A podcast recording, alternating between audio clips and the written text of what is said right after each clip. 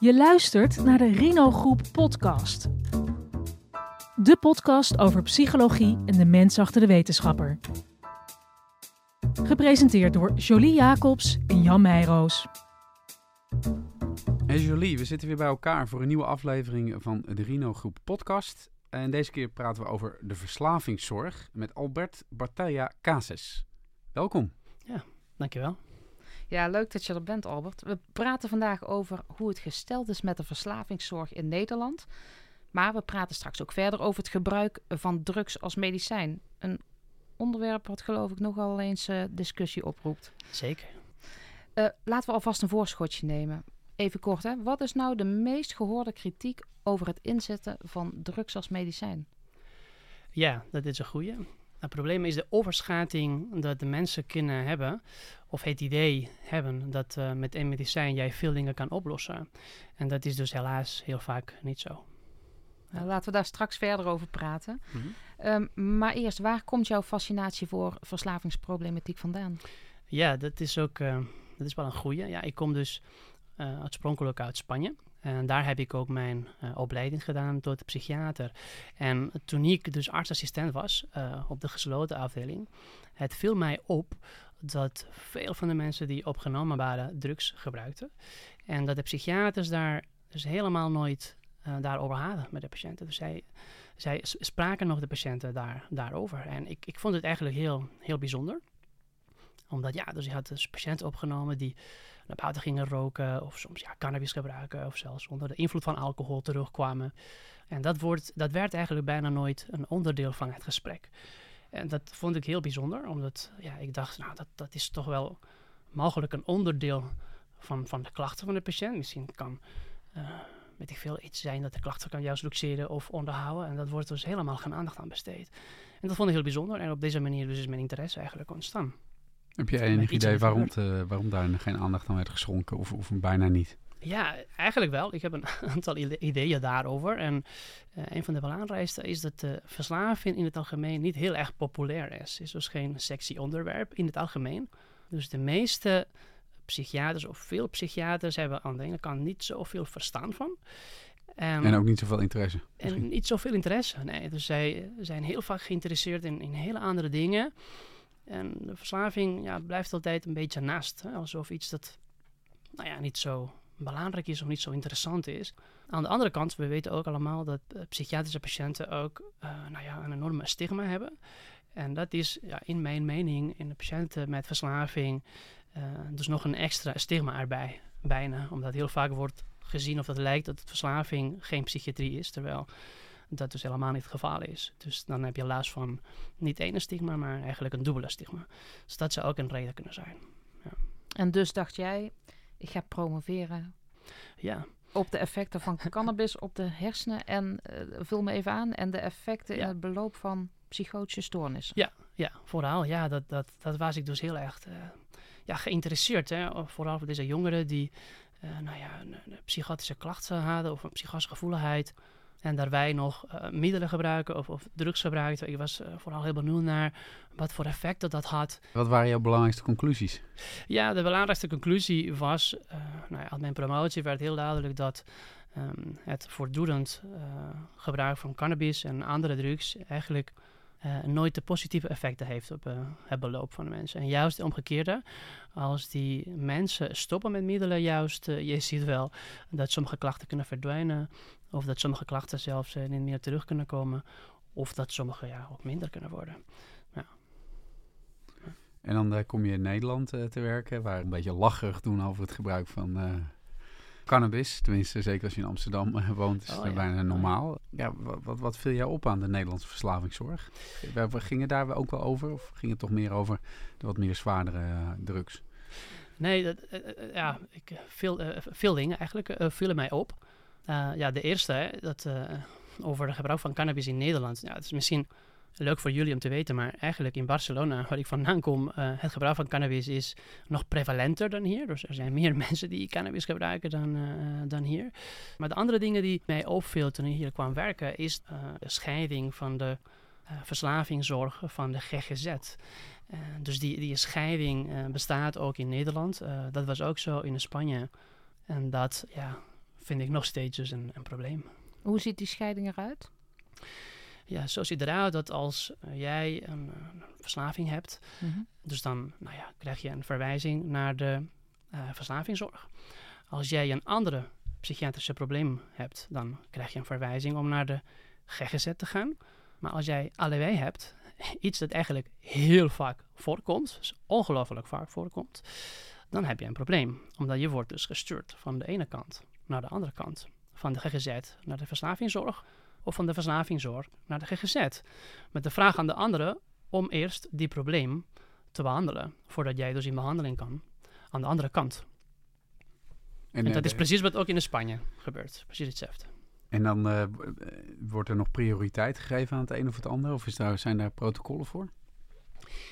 Ja, eigenlijk ehm, wat de protocollen zeggen, is je kan dit op verschillende manieren aanpakken.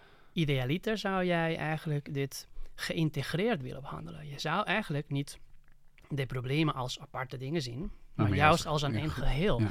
Zodat jij in één keer aandacht aan alle kan besteden. Nou, dat is natuurlijk heel ingewikkeld, ingewikkeld logistiek heel ingewikkeld. want Het gaat over verschillende instellingen, verschillende mensen.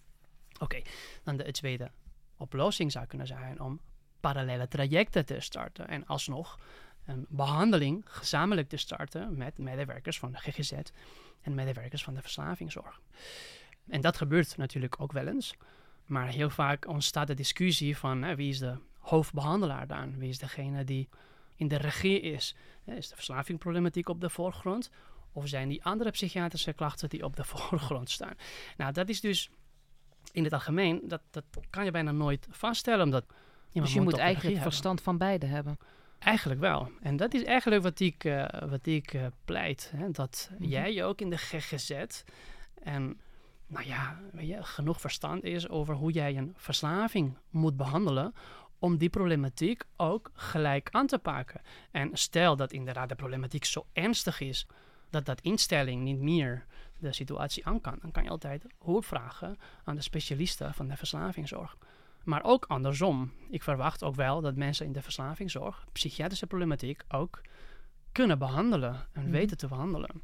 En als dat niet gaat, dan kan je altijd jouw collega's oproepen voor extra ondersteuning. En, en wat, eh, wat zijn de, is de grootste boosdoener? Is, eh, is dat cannabis of is dat eh, ecstasy? Of, eh, ik, ben, ik ben geen kenner, even vooropgesteld, maar... eh, Oké, ja, dat is wel een, eh, wel een ingewikkelde vraag, eerlijk gezegd. Eh, omdat, nou ja, eigenlijk van, eh, van alle middelen kan je ook klachten ontwikkelen. Sowieso alcohol, dat weten we ook heel goed. Alcohol kan jouw stemming enorm beïnvloeden. Cannabis is ook heel duidelijk gerelateerd aan het ontstaan van eh psychose spectrum stoornissen. Dat weten we ook. En van alle andere drugs kan je ook eh, ja, alle, bijna alle psychiatrische verschijnselen. Dat is misschien ook een belangrijk, een belangrijk punt. Dan kan ik ook meteen even dit, eh, dit melden. Ehm, de effecten van de drugs zijn eh, vrijwel onvoorspelbaar. Dus wij kunnen op gemiddeld niveau weten wat, nou ja, wat een drug eh, te verwachten is als jij dit gaat gebruiken. Maar op individueel niveau, voor een bepaalde persoon, kunnen wij helemaal niet voorspellen wat gaat gebeuren. Dus als je cannabis gebruikt, je kan inderdaad gaan hallucineren, je kan ja, depressief van worden, je kan helemaal niks merken, dat kan ook. Je kan ook een, eh, nou ja, dat de, je bloeddruk helemaal eh, laag wordt en dat jij flauw gaat vallen. Dat kan ook. Je kan ook een angstaanval krijgen. Nou, noem maar op. Er zijn eigenlijk... eh, Ik kan me Mhm. ook voorstellen, mensen met, met psychische klachten, die, die, die grijpen soms naar drugs om, om zich toch nog een beetje staande te houden. mhm. Maar het kan ook zo zijn dat je juist psychische klachten ontwikkelt doordat je Ja. eh, veel drugs gebruikt. Ja, en eigenlijk allebei, allebei zijn waar. Starten met middelen kan de kansen op een eh, psychiatrische aandoening vergroten, dat is wel zo. Maar we weten ook wel dat mensen die psychische klachten hebben, ook heel vaak eh, ja, middelen gaan gebruiken om, nou ja, proberen zichzelf te behandelen en, en, en beter te maken. En die kunnen soms wel op de korte termijn wat verlichting geven, maar dat gaat altijd ten koste van problemen op de lange termijn. Dat weten we ook heel duidelijk en van alle onderzoeken. Dus daarom, hè, mijn eerste zin van niemand wordt beter eigenlijk van langdurig drugs gebruiken. Dus uiteindelijk, niemand eigenlijk heeft de spijt om te zijn gestopt eh, Ja. met middelen. De meesten zeggen, oh wauw, wat goed dat je gestopt bent. Maar niemand zegt, oh, ging eigenlijk beter met me toen ik eh, veel drugs gebruikte. Dat hoor ik eigenlijk nooit. Wat is op dit moment het meest zorgmakende middel wat je tegenkomt? Ja, dat, uh, dat vind ik ook een moeilijke vraag. Omdat het hangt een beetje af wat, uh, wat, jij, wat jij ingewikkeld vindt. Ik heb bijvoorbeeld heel veel moeite mee met tabak. Uh, omdat dat is nou ja, heel erg onderbelicht hoe schadelijk eigenlijk tabak is. En wij doen alsof dat geen groot issue is, maar er gaan ongeveer 20.000 mensen dood per jaar vanwege aan problemen gerelateerd aan tabak. En dit is eigenlijk ongelooflijk veel. Als jij over nadenkt, uh, nou, in de 2021 hebben wij zo ongeveer 19.000 mensen die dood zijn gegaan vanwege COVID. En wij zijn allemaal in lockdown gegaan, omdat wij dat, nou, vonden dat natuurlijk onacceptabel, hè, maar regels waren nodig. Uh, maar wij accepteren wel dat elke jaar dus 20.000 mensen doodgaan vanwege, vanwege dus, uh, de effecten van, van roken. En, en dat weten wij. Dus dat vind ik heel erg zorgelijk. Maar als jij mij vraagt, nou, over het ontstaan van, van psychische klachten. Waar maak ik me zorgen? Nou, ik maak me zorgen over uh, cannabis natuurlijk, omdat ik mm-hmm. zie dat heel erg vaak. Omdat ik werk op een afdeling um, met jongeren die uh, psychotische klachten hebben en uh, gebruik van alcohol, tabak en cannabis zijn de drie meest voorkomende middelen. En vooral nou ja, een cannabisverslaving bij deze jongeren kan enorme gevolgen hebben. omdat we weten dus dat cannabis betrokken is bij het ontstaan van de klachten, maar ook dat de psychotische klachten kan onderhouden en luxeren. En dat is natuurlijk dus heel erg belangrijk voor deze jongeren. En ja, laaggaas. Wij zien nu in Nederland nou ja, een soort van golfbeweging uh, van dus veel jongeren die aangemeld worden uh, in de verslavingszorg uh, vanwege dus ernstig verslaving met laaggas. En waarom is dat belangrijk? Omdat nou ja, uh, een jaar geleden of twee jaar geleden kwam een rapport van, uh, van de Trimbos. Die zei, nou, lachgas dus lijkt niet zo verslavend te zijn. Maar goed, eh, als wij nu naar de praktijk kijken, dus dat lijkt wel iets anders te zijn. En um, nou ja, wat wij, wat wij uh, opviel met de psychotische klachten, is dat heel vaak hele ernstige ja, psychotische fenomenen zijn met uh, een hele grote gedragsveranderingen in een redelijke korte termijn. Dat is iets dat wij niet altijd zien uh, bij alle patiënten met psychotische stoornissen. Maar bij deze patiënten uh, ja, valt snel op dat de gedragsgevolgen van de psychotische verschijnselen dus ja, echt heel groot zijn. Ja. Het is wel bekend dat de ene persoon meer verslavingsgevoelig is dan de ander. Uh, het is ook genetisch bepaald. Stel dat, je nou, uh, dat, het, dat het niet in je genen zit, kun je dan toch een verslaving ontwikkelen? Ja, dat is goed. Kijk, in de psychiatrie, maar ook in de hele geneeskunde wordt een beetje hetzelfde uh, model gebruikt om proberen uit te leggen waarom sommige mensen wel en anderen niet um, bepaalde ziekten ontwikkelen. Hm? En bij verslaving is eigenlijk precies hetzelfde. En dat gaat over inderdaad dus een, bepaalde genetische nou ja, aanleg hè, of een bepaalde genetische kwetsbaarheid hè, dat iedereen eigenlijk heeft om een bepaalde aandoening te ontwikkelen. Maar dat is eigenlijk niet alles. Dus dat klopt wel hè, in de zin dat alle psychiatrische aandoeningen, um, ook verslaving, dus er, zit wel, er is wel een, een genetische component. Dat kunnen we niet ontkennen. Dat zien wij ook in de feit dat deze aandoeningen heel vaak ook nou ja, in families als clusters komen. Dus er zijn meerdere mensen die, uh, die daar problemen hebben vaak. Eh, maar dat is eigenlijk onvoldoende, omdat die omgevingsfactoren, daar spelen ook een heel belangrijke rol. En um, heel vaak ook de mensen van hetzelfde familie, heel vaak hebben te maken ook met hetzelfde omgevingsfactoren. Dat zou ook kunnen verklaren waarom in sommige families dus uh, nou ja, een kwetsbaarheid bestaat om bepaalde ziektes te ontwikkelen. Maar de goed nieuws hier is, en dat wil ik dus wel goed benadrukken, is dat de omgeving heeft eigenlijk veel te zeggen hier. En zelfs als jij een bepaalde kwetsbaarheid hebt om een bepaalde ziekte te ontwikkelen, je kan zorgen dat in een beschermend of in een goede omgeving, dat deze kwetsbaarheid ook minder wordt. Of misschien zelfs dat die meer naar voren komt. Dus zo kan het ook. Kun je daar een voorbeeld van geven? Van, van die omgevingsfactoren? Um, uh, wat je ouders doen, hoe je ouders omgaan met drugs, gaat ook bepalen je kansen op een verslaving te ontwikkelen. En ook andere ziektes te ontwikkelen. Andere voorbeeld, waar jij woont. Woon je in een buurt waar heel veel druk zijn, waar heel veel gedeeld wordt met drugs, je kansen op verslaving zijn al groter. Dan heb je factoren die te maken hebben met de persoon zelf. Wat heb je meegemaakt in je leven? Heb je een trauma uh, meegemaakt? Dan zijn je kansen groter ook om een verslaving te ontwikkelen. niet alleen verslaving ontwikkelen, ook een psychose te ontwikkelen, ook een depressie te ontwikkelen, andere psychiatrische aandoeningen. Wat voor vrienden je hebt, hoe je ook vriendenkring eruit ziet, dat is ook heel belangrijk. Dat speelt ook mee. En, nou, en, zo, en zo zijn er dus heel veel factoren die zowel beschermend als dus een risico, ja, risicovol kunnen zijn. Dus dat is een beetje dubbel. En natuurlijk, we moeten focussen eh, op de beschermende factoren, die juist de genetische kwetsbaarheid kunnen doen onderdrukken.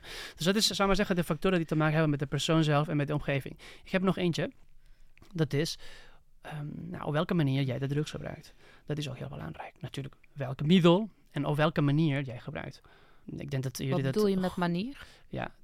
Vaak of veel? Of, uh... Precies, dat is het. Hè? Ah.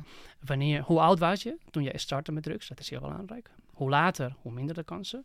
Hoeveel gebruik je inderdaad? Hè? Hoe, hoe vaak ben je blootgesteld aan dit middel? Hoe meer, nou ja, hoe groter de kansen. En de laatste is hoe sterk het middel is. Ja. Eh, stel nou, er komt iemand bij jou binnen hè, in de behandelkamer en je hebt een vermoeden dat er uh, bepaalde verdovende middelen worden gebruikt. Hoe pak je dat dan aan? Ik, uh, de eerste dat je moet doen is gewoon goed uitvragen ja, hoeveel ja, iemand gebruikt. Dat is, dat is zeker de, de, de eerste stap. En niet content blijven met het aanwoord normaal. De meeste mensen, als jij vraagt hoeveel jij drinkt, of hoeveel jij rookt, of hoeveel ecstasy jij gebruikt, de meesten gaan zeggen, ja, normaal wat iedereen doet. Ja? Uh, maar dat is dus raam onvoldoende, omdat iedereen heeft, zou maar zeggen, de eigen realiteit. en dat is dus heel vaak heel anders dan de gemiddelde realiteit. Dus het eerste wat je moet doen is heel goed uitvragen, nou ja, welke middelen gebruik je? En wat ik zei, hè, wanneer dus ben je gestart? Hoeveel gebruik je? Welke type middel? Op welke manier? En natuurlijk, waarom? ja, dat is ook uh, heel erg belangrijk. Je moet ook ja, die overwegingen of de redenen uh, van deze patiënt ook ja, in kaart brengen. En hoe diagnosticeer je dan iemand? We hebben verschillende criteria die wij kunnen gebruiken uh, om, om te ontdekken of iemand een verslaving heeft. Vooral moet je opletten of er sprake is van controleverlies. Mm -hmm. Dat is een hele belangrijke. En de samenvatting is, gebruik eigenlijk iemand meer dan hij of zij daadwerkelijk wil. Mm -hmm. dus de mensen zeggen, ja, ik wil eigenlijk tot hier gebruiken, maar uiteindelijk gebruik ik eigenlijk dus veel meer dan ik, uh, dat ik wil. Hè. Dus er zijn tekenen van controleverlies. Of ik blijf toch gebruiken, ondanks dat ik weet dat dat helemaal niet goed voor mij is. Of ondanks dat ik allemaal lichamelijke problemen heb. En, en, en toch ga ik door. Hè. Dus controleverlies, dat is eentje. En de andere is ook de, de, de craving. Hè. Die uh, enorme lust om uh, weer te moeten gebruiken. Is wel heel vaak een tijdelijk iets. Het duurt misschien één minuut, twee minuten. Maar die mensen kunnen echt enorm last van hebben. En dit wordt dus getriggerd op de situaties, op de momenten uh, waar de patiënt bepaalde keuzes ziet, dat, doen, dat doet denken dus aan, aan dit middel. En dan krijg je opeens een enorme lust om, om weer te gaan gebruiken. Maar jij zegt dat duurt maar één tot twee minuten. Ja, die craving vaak wel, ja. Dus die enorme lust, ja, soms kan ook wel langer zijn hoor. En dan moet je ook leren omgaan. Omdat op dat moment kan je eigenlijk niet meer helder denken. Je moet gewoon het middel hebben. Nu. Je gaat alles doen om, uh, om weer de middel te krijgen en opnieuw te gebruiken. En stel nou, misschien een beetje vreemde gedachte, maar mm. stel je zou die twee minuten kunnen wachten, is dan die craving weer weg? Ja, heel vaak wel. Dat is eigenlijk iets dat wij ook in onze ja, therapie ook uh, doen of aan de mensen proberen te leren. Mm -hmm. Hoe kan je eigenlijk die craving overbruggen tot het weer weg is, tot het weer uh, jij jezelf uh, wordt? En dat is ja veel makkelijker gezegd dan gedaan. Uh, je zei straks tegen ons, het mooiste zou zijn als je een parallel behandeltraject zou hebben. Dus zowel voor de verslaving als voor de psychiatrische klachten. Mm -hmm.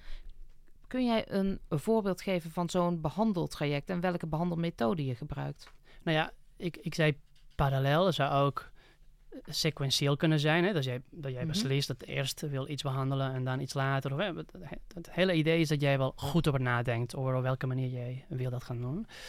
Of nog beter, idealiter, volledig geïntegreerd. Hè? Dus hetzelfde behandelteam een behandeling geeft aan alle problemen die, uh, die spelen op dat moment. Dat zou nog beter zijn. Oké, hoe ziet dat precies eruit?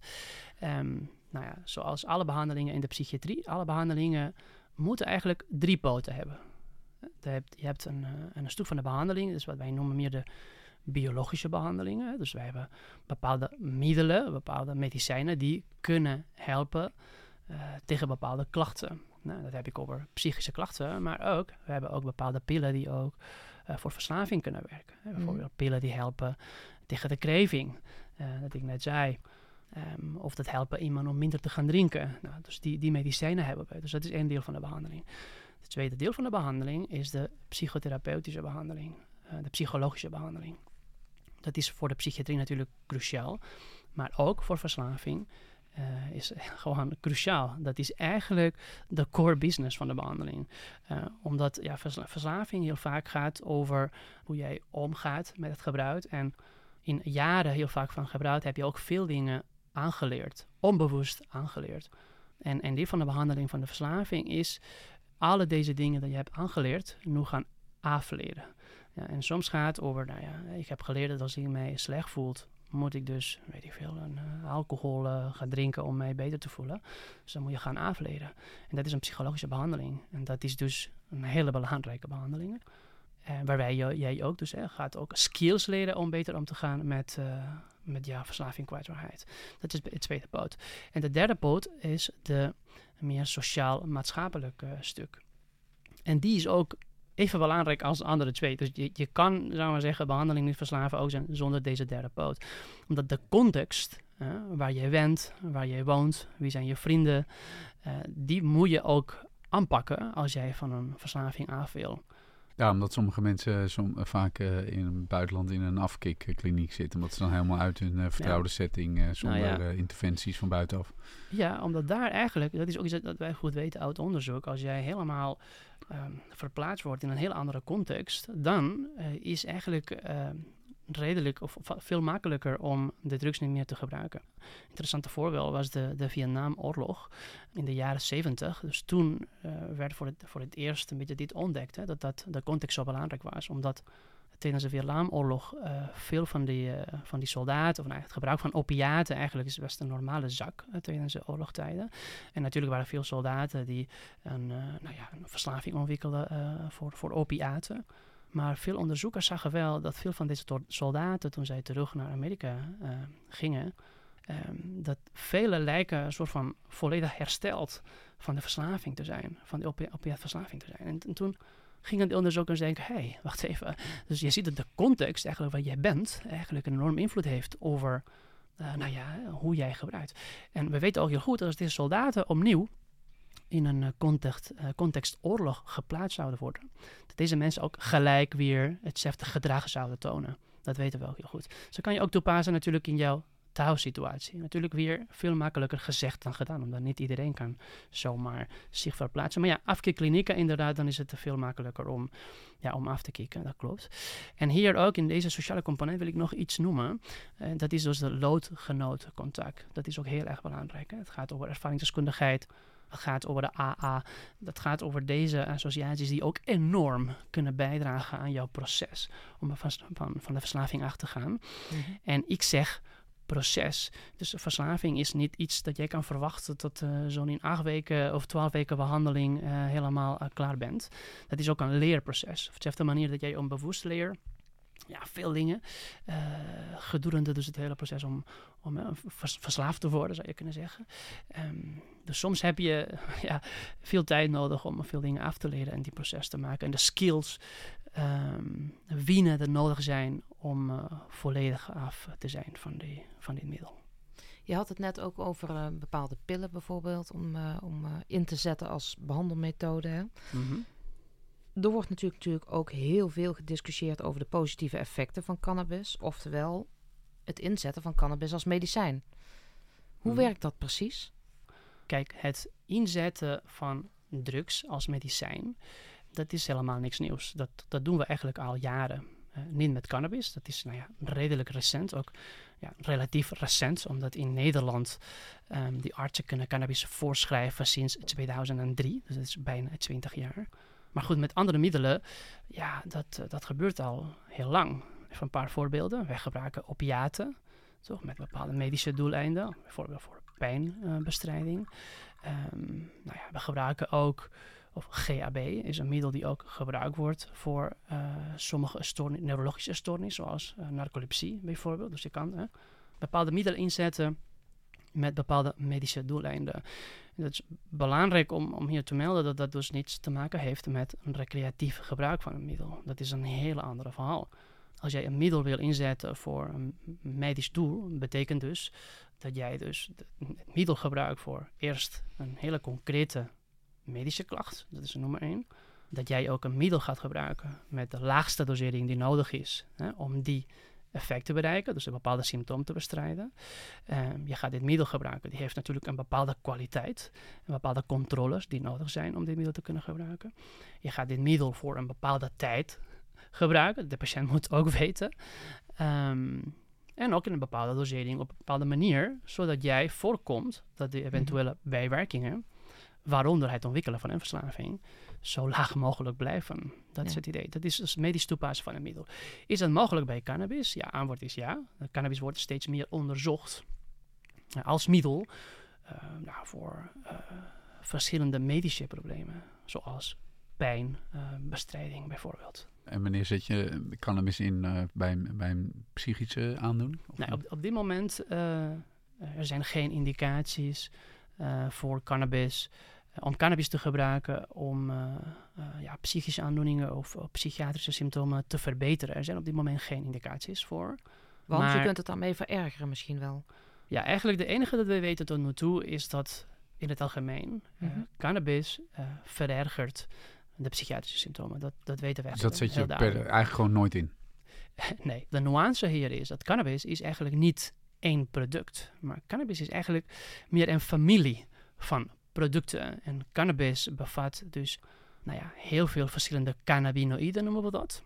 Maar je moet wel voorzichtig zijn, omdat kijk, de situatie nu is dat er is uh, in het algemeen een, redelijke, um, nou ja, grote, hoe zeg je dat, uh, publieke aanvraag om deze producten wel te gaan gebruiken, de cannabis. Maar de wetenschappelijk bewijs is nog heel erg laag. Dus wij bevinden ons in een hele bijzondere situatie, waar dus heel veel mensen gebruiken al uh, medicinale cannabis van de koffieshop, of zeggen ze dat zij medicinale cannabis gebruiken van de koffieshop met medische doeleinden. Uh, maar, en zij zouden dus heel graag willen die cannabis voorgeschreven krijgen. Maar de wetenschappelijke onderzoek loopt heel erg achter. Dus wij hebben nog nou ja, onvoldoende bewijs om te kunnen zeggen dat cannabis daadwerkelijk helpt voor nou ja, veel medische problemen. En dat is dus nu uh, nou ja, een probleem eigenlijk. Ja. Ja. Het is natuurlijk ook wel een tricky onderwerp dit, hè? Hmm. En het roept best wel wat controverse op. Zeker, ja. En ik, ik kan me voorstellen ook onder uh, behandelaren onderling. Ja, nee, zeker. En nou, dit, uh, hierover gesproken. Ik heb dus uh, kort geleden ja, een kleine spreekuur geopend in het UMC. Met het idee vooral om informatie te geven hierover. Omdat het afgelopen jaar heb ik ja, relatief veel vragen gekregen van collega's en ook van huisartsen over patiënten die vragen hadden over het gebruik van medicinale cannabis. Mm. Uh, nou ja, voor verschillende dingen. En zij wisten eigenlijk niet zo goed hoe zij dan moesten omgaan. Dus ik heb deze spreekuur geopend met het idee om gewoon um, ja, up-to-date voorlichting te geven. Ja, goede voorlichting geven. Ja. Dat is eigenlijk het idee. En natuurlijk met de patiënt gaan kijken, ja, waarom denk je dat jij in merking komt voor medicinale cannabis en wat zegt uh, nou ja, de wetenschap en hoe kunnen wij uh, nou ja, heel een houding vinden van ja. wat het best voor, uh, voor iemand is. Ja. Ik las onlangs dat je allerlei soorten drugs eigenlijk zou kunnen inzetten. Zo las ik ergens dat je MDMA kunt inzetten als medicijn voor PTSS-patiënten, ayahuasca om jeugdtrauma's te verwerken. Ja. ja. Paddo-thee. ja, ja, ja. Ja, we hebben nu... Er zit zo'n stof hè, in paddo's en die ja, zou helpen tegen, ja. ja. die, tegen depressie bijvoorbeeld, ja. Ja, ja, dat klopt. We hebben nu een soort van nieuwe um, golfbeweging waar dus veel van deze stoffen uh, worden onderzocht. Um, om te kijken of die wel kunnen helpen voor uh, bepaalde uh, psychiatrische aandoeningen.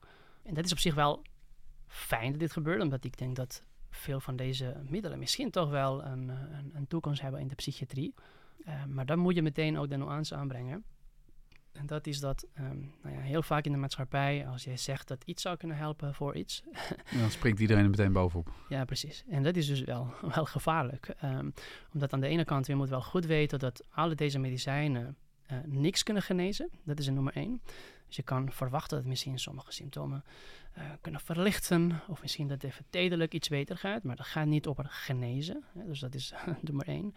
En het tweede, dat dit gaat over medische gebruik. En dat is dus heel erg belangrijk dat jij dat doet in een bepaalde context. Hè, met iemand die onafhankelijk de medicatie kan voorschrijven. En in een hele concrete context de medicijnen gebruikt wordt.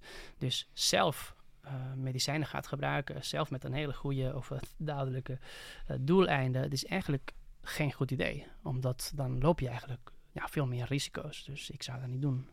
Nee. Risico's om een, eventueel een verslaving uh, ja, te ontwikkelen. Verslaving te ontwikkelen, maar ook andere bijwerkingen. En uh, ja, dus je krijgt mogelijk in een spoel die geen kwaliteitscontrole heeft gehad. Dat is nummer één. Hè. Dus dat is met de cannabis ook een mooi voorbeeld. Je hebt allemaal pesticiden en weet ik veel allemaal wat erin zit. Er zijn geen controles. En daarnaast inderdaad, je weet niet zo goed hoeveel zou je uh, moeten gebruiken, voor hoe lang, hè, dat soort dingen. En je hebt niemand onafhankelijk die juist die klachten ook kan monitoren. En tegen jou zeggen, hé, hey, je gebruikt dit al twee maanden, maar dat helpt mhm. eigenlijk helemaal niet. Dus misschien moet je ook gaan stoppen. Weet je, dat soort dingen, dat heb je ook nodig. Uh, omdat ja, je bent heel vaak minder objectief met jezelf. Nou, hoe vaak wordt drugs nu als medicijn ook echt ingezet? In de psychiatrie, wil ja? je? Um, nou, in de psychiatrie um, hebben we nou, bijvoorbeeld... Uh, wij gebruiken ja, medicinale GHB voor mensen die een ernstige verslaving hebben uh, aan GHB... om deze mensen te helpen detoxificeren. Klinkt heel tegenstrijdig. Oké, dus mensen met een verslaving aan GHB behandel je met GHB? Ja, dat doe je, zou maar zeggen, tijdelijk om te voorkomen dat deze mensen hele ernstige uh, onwijning van schijnselen ontwikkelen. Hm? een beetje net als bij de die uh, nicotinepleisters. Soort van afbouwen of Zo'n beetje. Goed, je vroeg over, nou, gebruiken wij de GHB? Nou, ja, ja dat, dat, dat, dat, wordt wel gebruikt natuurlijk. De GHB wordt, wordt volledig afgebouwd voordat iemand dus de kliniek verlaat. Maar ja, dat is een voorbeeld hoe jij dus ja, dat soort drugs ook kan inzetten. Maar, is, is, is, dat op zichzelf, is dat op zichzelf een, een vrij gangbare methode? Of is dat nog echt, uh, wordt het echt heel af en toe toegepast? Nee, dat, dat wordt wel met regelmaat toegepast. En wordt er nu veel onderzoek gedaan naar het inzetten van drugs als medicijn? Ja, het wordt uh, steeds meer um, onderzoek gedaan. En daar zijn er dus heel veel voorbeelden. Je hebt uh, eentje benoemd, hè, dus inzetten van uh, MDMA ja. voor trauma. nou ja, um, wij in het UMC um, willen wij ook... UMC Utrecht, hè? Ja, sorry. Ja. ja in het UMC Utrecht gaan wij nou, binnenkort ook starten met trials waar wij, wij dus het effect van, van de cannabidiol ook willen, willen gaan toetsen ook de veiligheid uh, van medicinale cannabis ook uh, gaan toetsen. Uh, ja, in het UMC Utrecht en ook in andere steden in Nederland um, um, wordt ook onderzocht of psilocybine mensen met een resistente depressie ook zou kunnen, zou kunnen helpen. Dus ja, dat gebeurt, gebeurt wel, wel. En jij, jij volgt dat op de voet? Ja, ik, ik volg het wel. Ja, zeker. Ja, ik ben benieuwd naar. Maar ik probeer altijd daar een beetje de nuance uh, in te brengen. Van verwacht niet dat met een middel alle je problemen uh, nee, verwacht niet opeens de heilige graal. Uh. Precies, hè? vergeet je niet de drie poten. Nee. ja, dus het gaat over één kleine poot. Als jij die andere twee poten niet meeneemt in de behandeling, je kan alle drugs dat jij wil inzetten, dat gaat eigenlijk altijd onvoldoende zijn. Dat weten we ook. Dus dat moeten we ook deze nuance goed, goed aanbrengen. En naar welke van die onderzoeksresultaten ben jij nou het meest benieuwd? Ja, dat is een goede. Hmm, wat vind ik het meest interessante? Ja, ik ben eigenlijk um, heel benieuwd naar, ja, vooral die, die, cannabis natuurlijk. Omdat ik heb al jarenlang onderzoek gedaan. En kijk, ik ben iemand die juist een beetje de, allebei de kanten goed kan zien. Omdat ik behandel mensen die uh, veel problemen met cannabis ervaren. Dus echt mensen die willen stoppen en niet kunnen. Dus die behandel ik ook. Maar ik behandel ook mensen met cannabis, waarbij ik denk dus juist ook sommige dingen beter kunnen worden. Dus uh, ja, ik ben vooral heel benieuwd naar uh, ja, welke positieve effecten of hoe uh, cannabis ja, sommige mensen kan ondersteunen om bepaalde klachten te verlichten. Daar ben ik dus ja, heel benieuwd naar. Albert Bataya Cases, dankjewel voor je komst. Dit was de Rino Groep podcast over de verslavingszorg binnen de GGZ en het inzetten van drugs als medicijn. We hebben inmiddels al heel wat afleveringen gemaakt over discussiewaardige onderwerpen met het doel dat we daar in de zorg een open gesprek over kunnen voeren. Denk bijvoorbeeld aan de aflevering met Anne Marsman over het inzetten van ervaringsdeskundigheid in de behandelkamer. Al deze afleveringen kun je op onze site vinden, dat is www.rinogroep.nl/podcast. Voor nu bedankt voor het luisteren en tot de volgende aflevering. Leuk dat je luisterde naar de Rino Groep podcast. Wil je meer informatie over de Rino Groep? Bekijk onze website rinogroep.nl.